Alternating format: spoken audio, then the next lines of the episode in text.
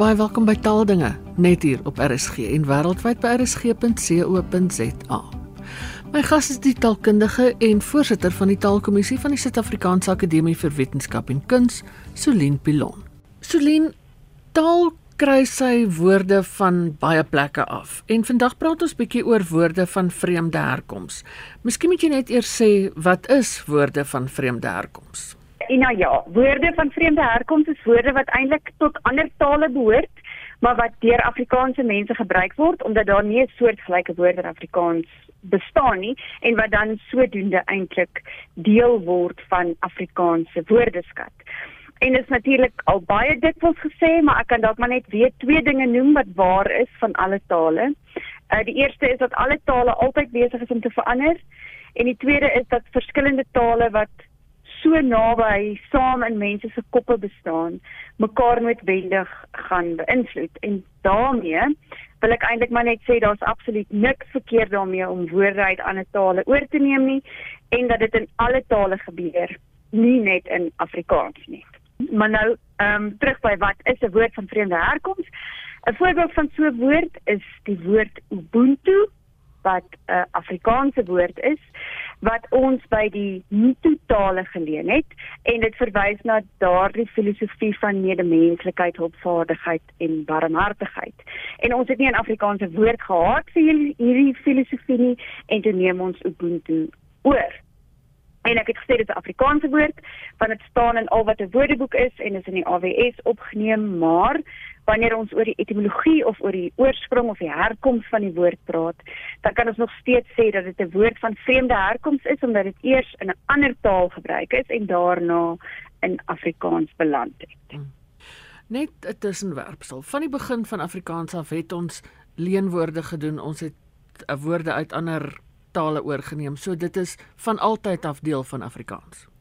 Absoluut Ina. Van van altyd af. Ehm um, uh, mense noem altyd die voorbeeld van baie en ja. uh pisang en al daai woorde wat lank lank gelede net toe Afrikaans eintlik ontstaan het al uit ander tale as Afrikaanse brontale geleen is. Nou watter strategie kan gebruik word om woorde van vreemde vreemde herkoms in Afrikaans dan te skryf? Daar's vier strategieë wat ons kan aanwend om dit te doen Ina en dit is vertaling, transkripsie, transliterasie en ontlening. En ek sal net gou iets sê oor elkeen van hierdie strategieë. So ons skop af met vertaling. Nou wanneer jy vertaal, is jy natuurlik besig om die konsep wat in die brontaal op 'n sekere manier benoem word met 'n geskikte woord in Afrikaans te benoem.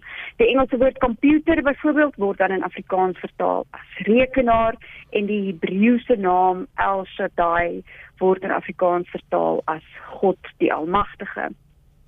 So vertaling, ek dink ehm um, die meeste mense is vertroud met hierdie strategie. Uh en ek sal later ehm um, meer daaroor sê. Hmm.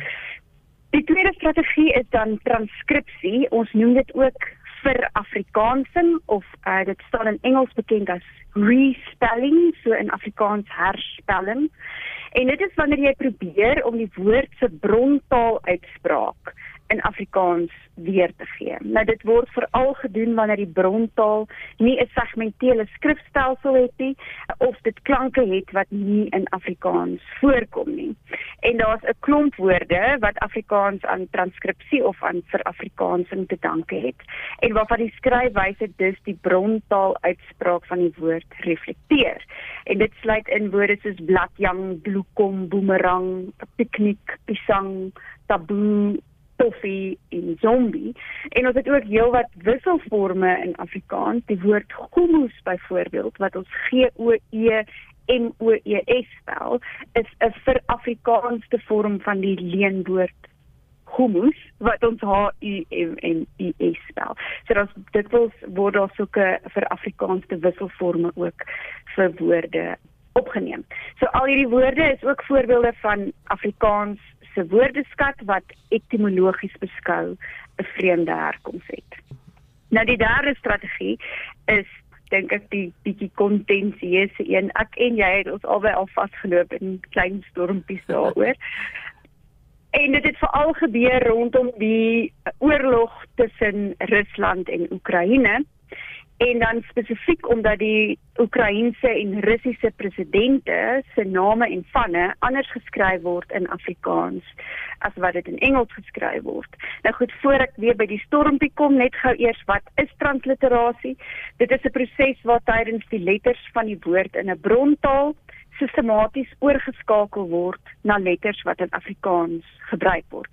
Transliterasie moet dus gedoen word wanneer die alfabet van die taal waaruit die woord geleen word nie dieselfde is as Afrikaans se alfabet nie. So as jy dink aan uh, die Russiese alfabet of aan die Griekse alfabet of aan die Hebreëse alfabet, daai karakters wat in daai alfabet voorkom is nie karakters wat in Afrikaans voorkom nie. So as ons 'n woord by daai taal wil oorneem, dan moet daai woord in Afrikaans getranslitereer word klaar 'n paar tale genoem waaruit ons moet translitereer. Uh daar's nog soos Chinees en Koreaans en Japanees natuurlik. En Arabies is ook ehm um, um, een waarmee ons uh, waarvoor ons tans 'n transliterasie tabel maak. Nou goed, transliterasie moet dan gedoen word met behulp van een of ander stelsel en by die taalkommissie noem ons hierdie stelsels sommer transliterasie tabelle en al wat dit eintlik is is dis 'n lys van al die grafeme of al die letters wat in die brontaal voorkom en dan 'n lys van die grawe of letters wat in Afrikaans voorkom en waarmee daai brontaal letters vervang moet word of getranslitereer moet word. So sodra daar so 'n transliterasie tabel bestaan, is dit dan moontlik om enige woorde, ook persoons en plekname uit die brontaal met die vreemde alfabet um, in Afrikaans neer te skryf. So volgens die voorlopige tabel vir Oekraïens sê ons die hoofstad van Oekraïne moet K I J I F gespel word. Kiev dis uh, in die voorlopige tabel vir Jiddisch bepaal dat Jiddisch gespel moet word as J I D D I S J. En dit is omdat ons die karakters van die brontale sistematies omgeskakel het met behulp van ons tabelle. So dit is eintlik 'n baie eenvoudige proses. En waaroor kan 'n mens dan vra? Was al die boei op sosiale media dan?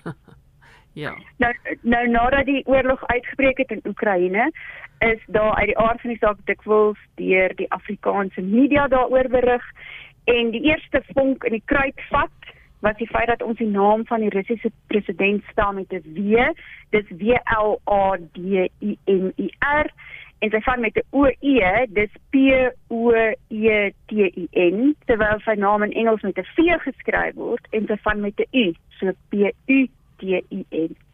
En daarna het die feit dat die Oekraïense president Volodymyr Zelensky se naam ook in Afrikaans anders gespel word as in Engels olie op die vuur gegooi en toe is almal woedend. Hoekom moet alle Engels nogal altyd vir Afrikaans word? Hoekom dit moet Vladimir en Volodymyr in Afrikaans met 'n W geskryf word terwyl alle Afrikaanse mense weet dat die V aan die begin van die naam as 'n uitgespreek moet word soos in Engels. En dit is natuurlik geldige vrae en ek gaan probeer om dit te beantwoord. Nou ek het vroeër gepraat oor die transliterasiesisteme wat beskikbaar moet wees sodat ons van 'n brontaal na Afrikaans kan translitereer. Nou daar's twee tipes sê man van hierdie sisteme wat bestaan. En die eerste een is 'n amptelike internasionale stelsel wat deur die owerhede van die land waar die taal gepraat word opgestel word en dan aan ander alfabetgebruikers beskikbaar gestel word. Um, hierdie sisteme is nie taalspesifiek nie en alle tale wat die Romeinse alfabet gebruik, gaan woorde dus op presies dieselfde manier translitereer uit daardie brontale uit. Ja. En tale met sulke internasionale sisteme sluit in Chinees en Koreaans. So daarom byvoorbeeld word die naam van die president van Korea, Yoon Suk Yeol, in Afrikaans en in Engels presies dieselfde geskryf dis omdat dieselfde transliterasiesisteem gebruik word om daardie naam te translitereer. Nou die tweede tipe transliterasiesisteem is een wat teikentaal spesifiek is. So in Afrikaanse geval is dit dan een wat pas gemaak is vir Afrikaans. En so 'n stelsel moet ontwikkel word wanneer daar nie 'n amptelike internasionale stelsel bestaan nie sodat 'n mens uit die vreemde in aanhalingstekens alfabet um, in Afrikaans kan translitereer. En tale waarvoor hierdie tipe stelsel nodig is, is tale soos Grieks, Arabies, Jiddisch, Russies en Oekraïens. En hierdie sisteme is dan soos ek al gesê taalspesifiek en noodwendig omdat die opstellers daarvan die letters of letterkombinasies wat die brontaal uitspraak die beste weergee in die stelsel gaan gebruik.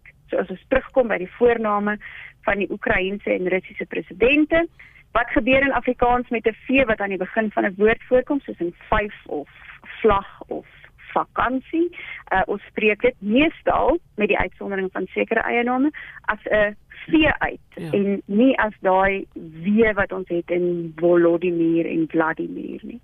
En as jy 'n wee klank aan die begin van 'n woord het, soos 'n wolf, dan skryf ons dit met 'n w.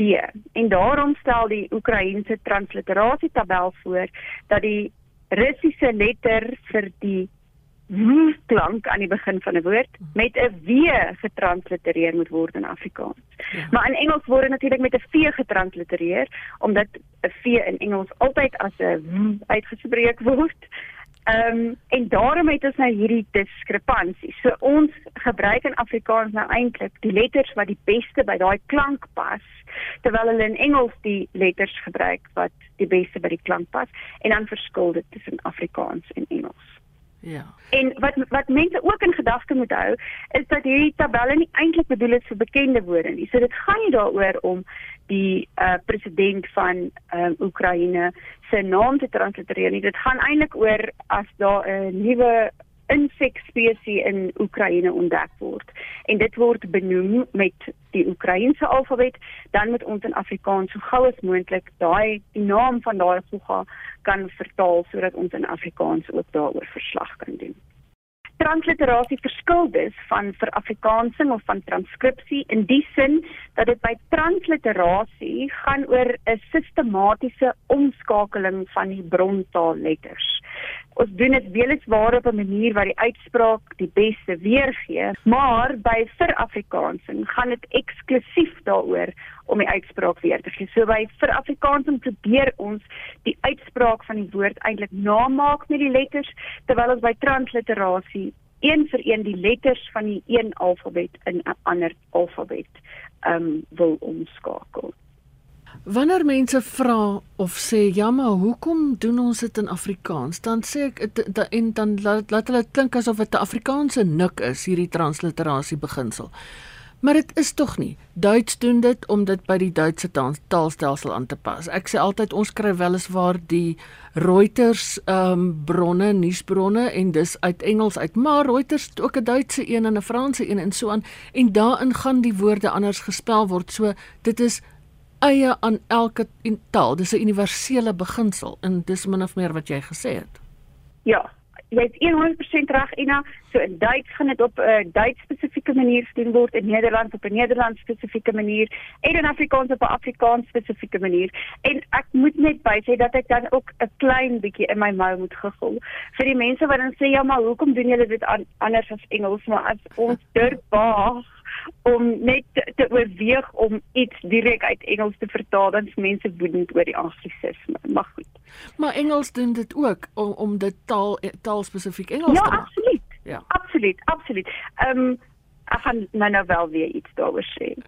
Reg, en na hierdie lang relaas bring my dan by die vierde strategie wat gebruik word om woorde van vreemde herkoms in Afrikaans te gebruik en dit is ontlening waar die woordvorm uit die brontaal net so oorgeneem word in Afrikaans. So ons spel dan die woord in Afrikaans ook soos wat dit in die brontaal gespel word. En daar is baie voorbeelde daarvan ook in Afrikaans waaronder woorde soos impala, uh staccato, ski, venue, speaker, gentleman ensovoorts ensovoorts. Nou aangesien hierdie woorde dan nou Afrikaanse woorde is, is hulle ook vir Afrikaanse morfologiese prosesse beskikbaar. So ons gee dus volgens die Afrikaanse reëls vir ski 'n meervoud met 'n afkappings-s, so skis word met 'n afkappings-s geskryf en nie die meervoud sonder 'n afkappingsteken wat dit in Engels sou kry nie. En ons sit 'n g aan om geski te maak in die verlede tyd. Ons gebruik nie die Engelse ed aan die einde van die werkwoord om dit verlede tyd te maak nie. Maar ons sien wel dat Engelse morfologie toenemend saam met Engelse leenwoorde geleen word. So ons het die woord styk in Afrikaans wat ons by Engels uh, geleen het en die meervoud daarvan is styks wat die Engelse meervoud is en nie styke soos wat dit in die Afrikaanse patroon sou wees nie want in Afrikaans neem een lettergrepige woorde tipies 'n e as meervoud en nie as s nie. So dit is 'n voorbeeld waar ons ook die Engelse morfologie oorgeneem het. Ja. Ek wil nou net gou iets vra. Iets soos CD en DVD, hoe werk dit of is dit nou heeltemal uit die tema van vandag? Nee, nee, dit pas absoluut hier in, Ina, want wat gebeur met sulke dinge en iets soos SMS is ook 'n goeie voorbeeld, is ehm um, daar ontstaan so 'n afkorting of 'n akroniem dit was eintlik. Uh en die uh akroniem word dan ingeburger in Afrikaans en wanneer mense dit gebruik met iets soos UPS sal ek ook 'n geldjie vir wetwerk so. Ja. Ehm um, mense weet nie eers meer mooi waarvoor staan daai IPS nie. Dit is nou maar net 'n akroniem wat gebruik word om na 'n spesifieke ding te verwys. Dieselfde geld iets soos SMS byvoorbeeld. Hmm. En ons leen dan eintlik daai akroniem by Engels en dit word dan in Afrikaans ingeburger sonder die volvorm eintlik. So wanneer ons sulke goed in die AWS opneem, as ons SMS byvoorbeeld opneem, dan sit ons langs aan kort teksboodskap en dan in hakkies die Engelse short message service of wat gekool. Ehm um, so ons neem dan dit wil sulke uh, Engelse akronieme op in Afrikaans en dan met die die korrekte Afrikaanse vertaling vir die volvorm en dan met die Engelse volvorm daarbey. Nou, hoe moet 'n taalgebruiker besluit watter strategie is die gepaste een om te gebruik wanneer 'n mens 'n woord van 'n vreemde herkoms in Afrikaans wil gebruik?